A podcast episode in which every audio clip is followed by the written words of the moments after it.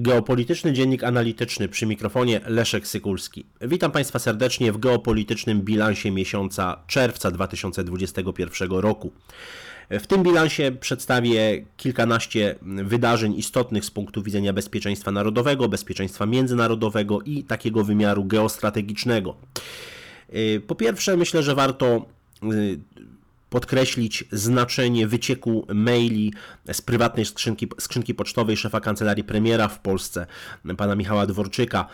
Konto y, utworzone na Telegramie 4 y, czerwca 2021 roku mm, publikuje po dziś dzień mm, właśnie prywat, prywatną korespondencję mm, y, ministra Dworczyka, prywatną, ale no właśnie zawierającą istotne, wrażliwe kwestie służbowe. Wielkim skandalem jest to, że politycy y, używali, w Polsce politycy na najwyższych stanowiskach używali e, prywa, prywatnych skrzynek pocztowych zupełnie niezabezpieczonych do y, omawiania spraw y, służbowych. Myślę, że jest to kwestia nie tylko nieodpowiedzialności e, tych polityków, ale także kwestia bardzo złego e, nadzoru służb specjalnych, przede wszystkim Agencji Bezpieczeństwa Wewnętrznego i braku jakiejkolwiek skutecznej osłony kontrwywiadowczej nad najważniejszymi osobami osobami w państwie e, i myślę, że tutaj trzeba jak najszybciej wyciągnąć konsekwencje, ponieważ widzimy, że e, ta, to zagrożenie ze strony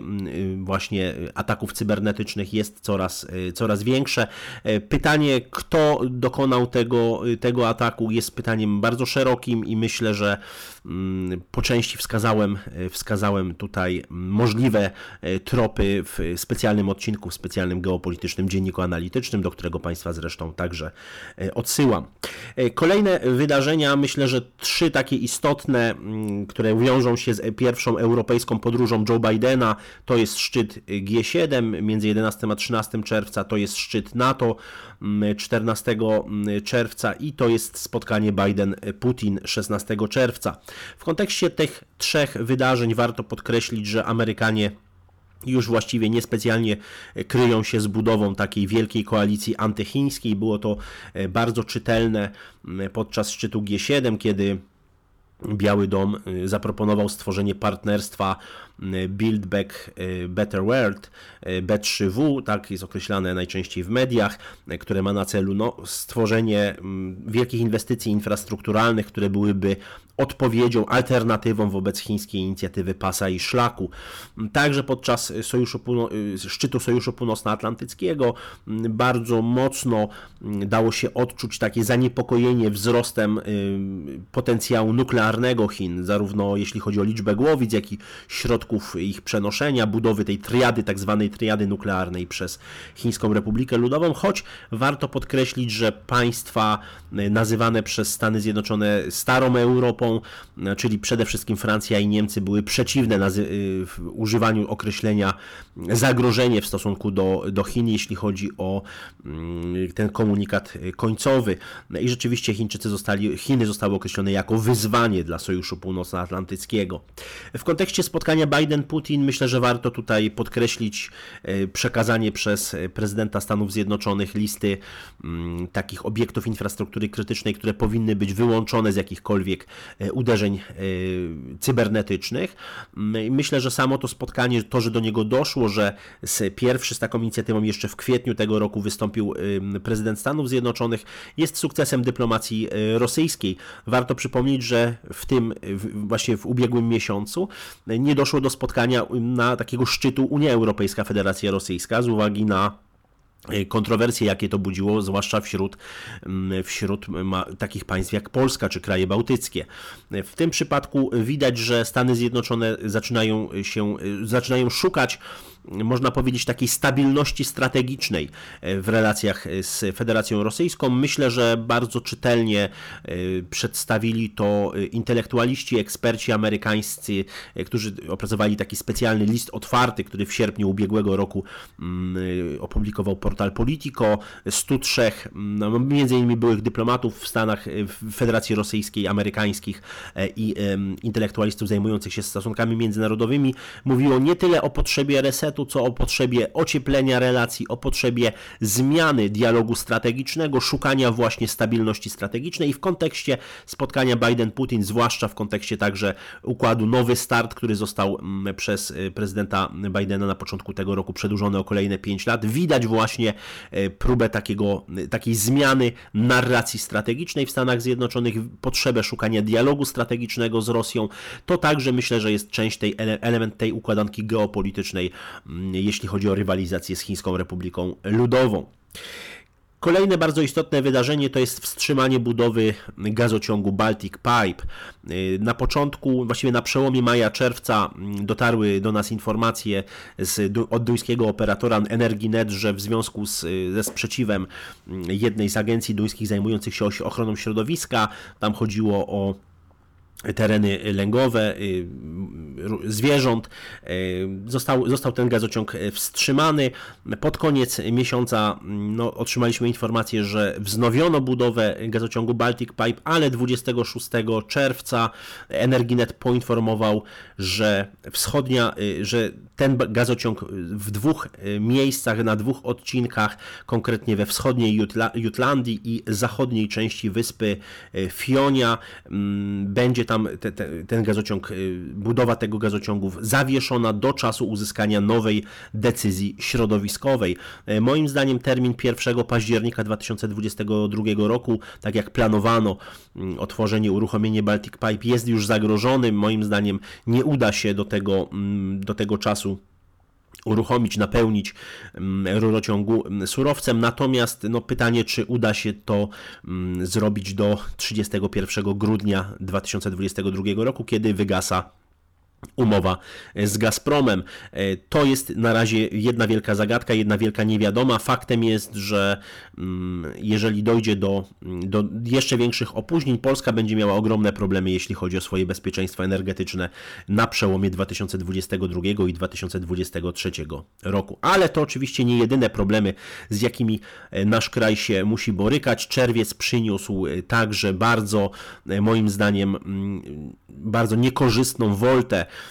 w, w, jeśli chodzi o politykę wewnętrzną Izraela. Mam na myśli oczywiście o nowy rząd w Izraelu.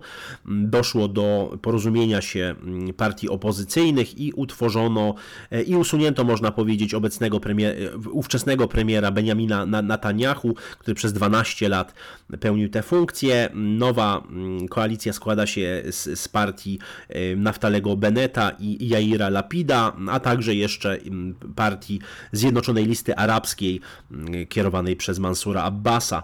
E, zgodnie z tą umową Naftali Bennett będzie pełnił funkcję premiera przez dwa lata, a następnie zostanie zastąpiony przez Jaira Lapida. Wiemy dobrze, że premier, obecny premier Izraela, Naftali Bennett, jest y, można powiedzieć, y, takim politykiem mm, mającym czy prowadzącym bardzo taką e, twardą politykę historyczną, także w stosunku do Polski. Wielokrotnie mm, tutaj można powiedzieć w sposób kontrowersyjny dla, dla Polaków wy, y, wypowiadał się na temat e, II wojny światowej, na temat Holokaustu. E, no i widać rzeczywiście już pierwsze mm, także efekty tego, tej, tej właśnie wolty politycznej w Izraelu. Chodzi o stosunek tego państwa do nowelizacji kodeksu postępowania administracyjnego w Polsce, oświadczenie mm, ambasady Izraela w, w, tej sprawie bardzo e, emocjonalne, poświęciłem temu osobny odcinek, także odsyłam osoby zainteresowane, które jeszcze nie, nie wysłuchały tego odcinka. Tam jest szeroki koment mój komentarz do, do tego. Mm, rzeczywiście wsparcie tych, można powiedzieć, takiego, takiego tonu, który, który zaprezentowała ambasada Izraela w Polsce przez rzecznika Departamentu Stanu Stanów Zjednoczonych, również pokazuje, że mamy, no, można powiedzieć, duży problem, jeśli chodzi o relacje relacje mm, z, Izraelem i ze Stanami Zjednoczonymi w kontekście, e, w kontekście tych, e, tych spraw związanych z reprywatyzacją, z kwestiami odszkodowania, e, od, odszkodowań za mienie znacjonalizowane. Chodzi o mienie oczywiście także tak zwane bezspadkowe, za, za które część środowisk żydowskich chce odszkodowań. W związku z tym no, jest tutaj, można powiedzieć, bardzo duże napięcie w, w, na, w tym, na tej linii mm, Warszawa-Tel Awiw i Warszawa-Waszyngton. W kontekście nowego rządu w Izraelu no nie sposób także nie powiedzieć o mm, zmianie, mm, można powiedzieć tutaj stanowiska prezydenta w Islamskiej Republiki, Republice Iranu. Nowym mm, prezydentem e, Iranu w czerwcu 2021 e, roku został Ebrahim Raisi, mm, polityk e, konserwatywny, przez wielu nazywany ultrakonserwatywnym, który już po wyborze zapowiedział przede wszystkim mm, chęć jak najszybszego zakończenia wojny w Jemenie, otwartość na dialog z Arabią Saudyjską oraz jak najszybszy powrót powrót do amerykańsko-irańskich rozmów y, nuklearnych. Chodzi o jak najszybszą oczywiście finalizację y, i powrót do, tych, y, do tego porozumienia, które jednostronnie zerwał mm, Donald Trump. Czerwiec 2021 roku to także pogorszenie relacji na linii mm, Białoruś-Unia Europejska. Unia Europejska wdrożyła cały pakiet sankcji, sankcji sektorowych, obejmujących m.in. przemysł naftowy mm, białoruski. No a Białoruś odpowiedziała odpowiedziała zawieszeniem udziału w unijnym partnerstwie wschodnim, rozpoczęła także procedurę zawieszenia działania umowy o readmisji, no a ambasador Unii Europejskiej e, na Białorusi został poproszony o wyjazd na konsultacje do Brukseli. Moim zdaniem mm, Skutkiem y, tych, y, tych zaostrzających się relacji na linii Bruksela-Mińsk będzie jeszcze, y, można powiedzieć, większe zaangażowanie Białorusi w integrację z Federacją Rosyjską. Ta właściwie ten brak alternatywy dla prezydenta Łukaszenki jeszcze mocniej wpycha go w objęcia Władimira Putina i moim zdaniem należy spodziewać się kolejnych umów związanych chociażby z tranzytem mm, towarów właśnie przez porty rosyjskie do do, mm, do, na, na Białoruś, podobnie zresztą jak, jak tutaj Białoruś odpowiedziała, y, za, można powiedzieć, ograniczeniem y, przesyłu towarów przez port w litewskiej Kłajpedzie, a na korzyść y, rosyjskiej Ustługi i Petersburga. W tym kontekście warto oczywiście także powiedzieć, że prawdopodobnie dalszemu zaostrzeniu mm, ulegną relacje polsko-białoruskie. Jeśli jesteśmy już y, przy Europie y, Środkowej, Środkowo-Wschodniej, warto wspomnieć o drugiej konferencji berlińskiej w sprawie Libii, która odbyła się 24 czerwca. Niewątpliwie jest to próba skutecznie moim zdaniem wykonywana przez Niemcy lewarowania swojej pozycji na arenie międzynarodowej, ale także w ramach Unii Europejskiej występowania jako mediator. Jest to już druga konferencja, poprzednia odbyła się na początku 2020 roku.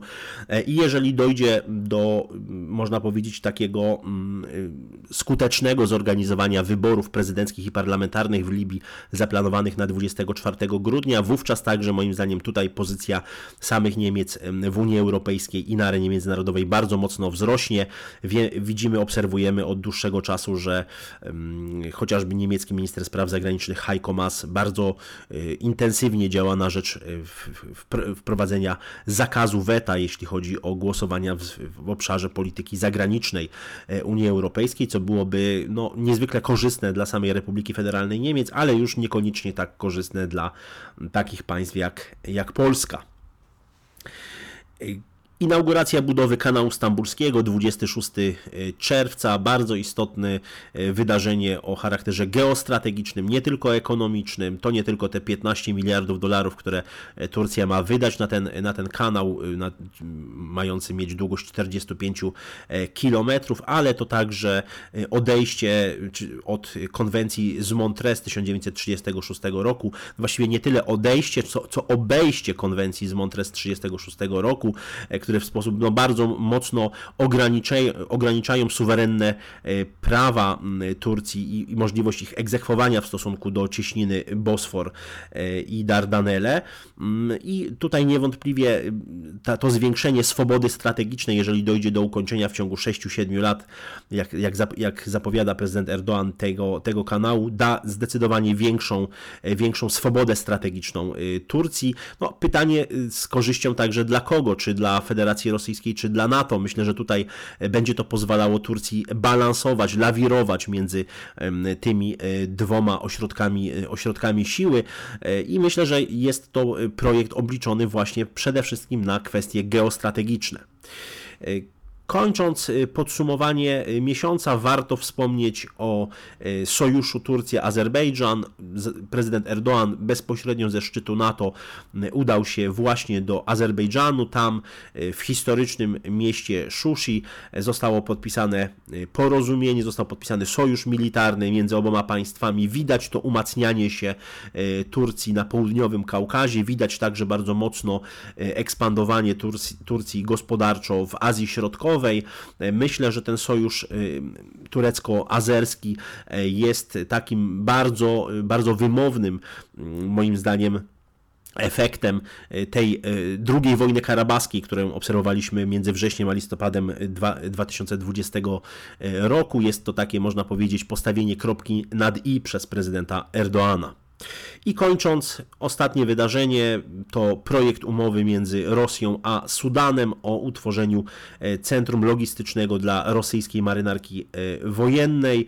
Mm, Rosja zamierza e, stworzyć na Morzu Czerwonym swoją bazę morską, która ma, ma być no, jednym z takich przyczółków Rosji w tej części świata. Zresztą ta, to ekspandowanie Rosji w Afryce nie rozpoczęło się w, w tym roku ani w czerwcu e, tego roku. Już widzimy bardzo, bardzo intensywne działania rosyjskie, chociażby w Czadzie, w Republice Środkowoafrykańskiej, oczywiście w Libii. Mm, jest to niewątpliwie ten, ten obszar, który e, Rosjanie, rosyjscy strategzy upatrują jako jeden e, z tych kluczowych, newralgicznych mm, regionów świata, które pozwala na włączenie się w ten proces policentryzacji świata. Dziękuję Państwu za uwagę.